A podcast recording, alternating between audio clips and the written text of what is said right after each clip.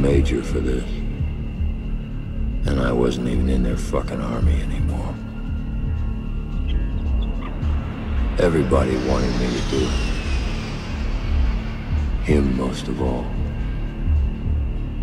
I felt like he was up there, waiting for me to take the pain away.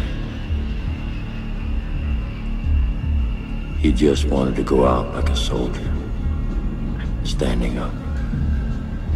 Not like some poor, wasted, rag-assed renegade.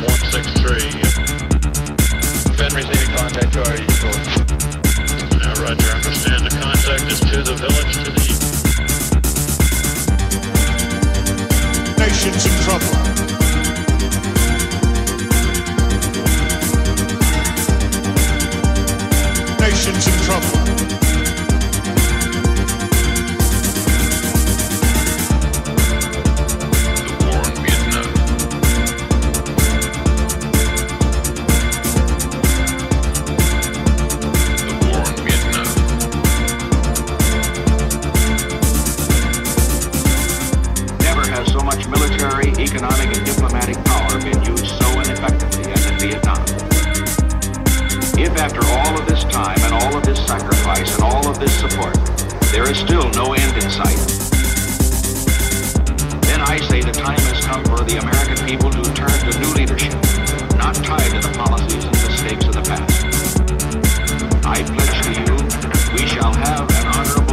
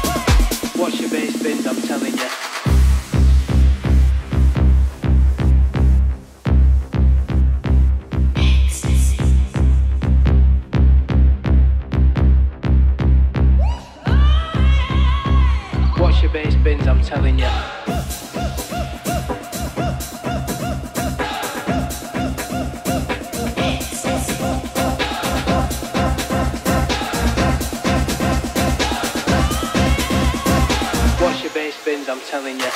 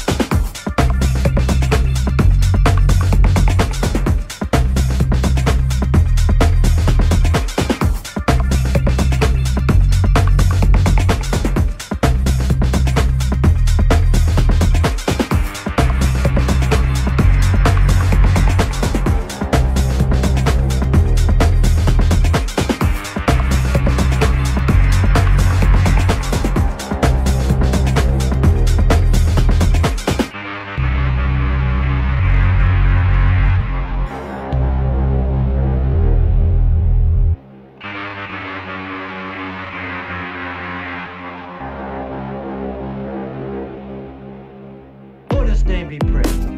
This is a temple, so kindly behave and obey our rules, or you risk our wrath.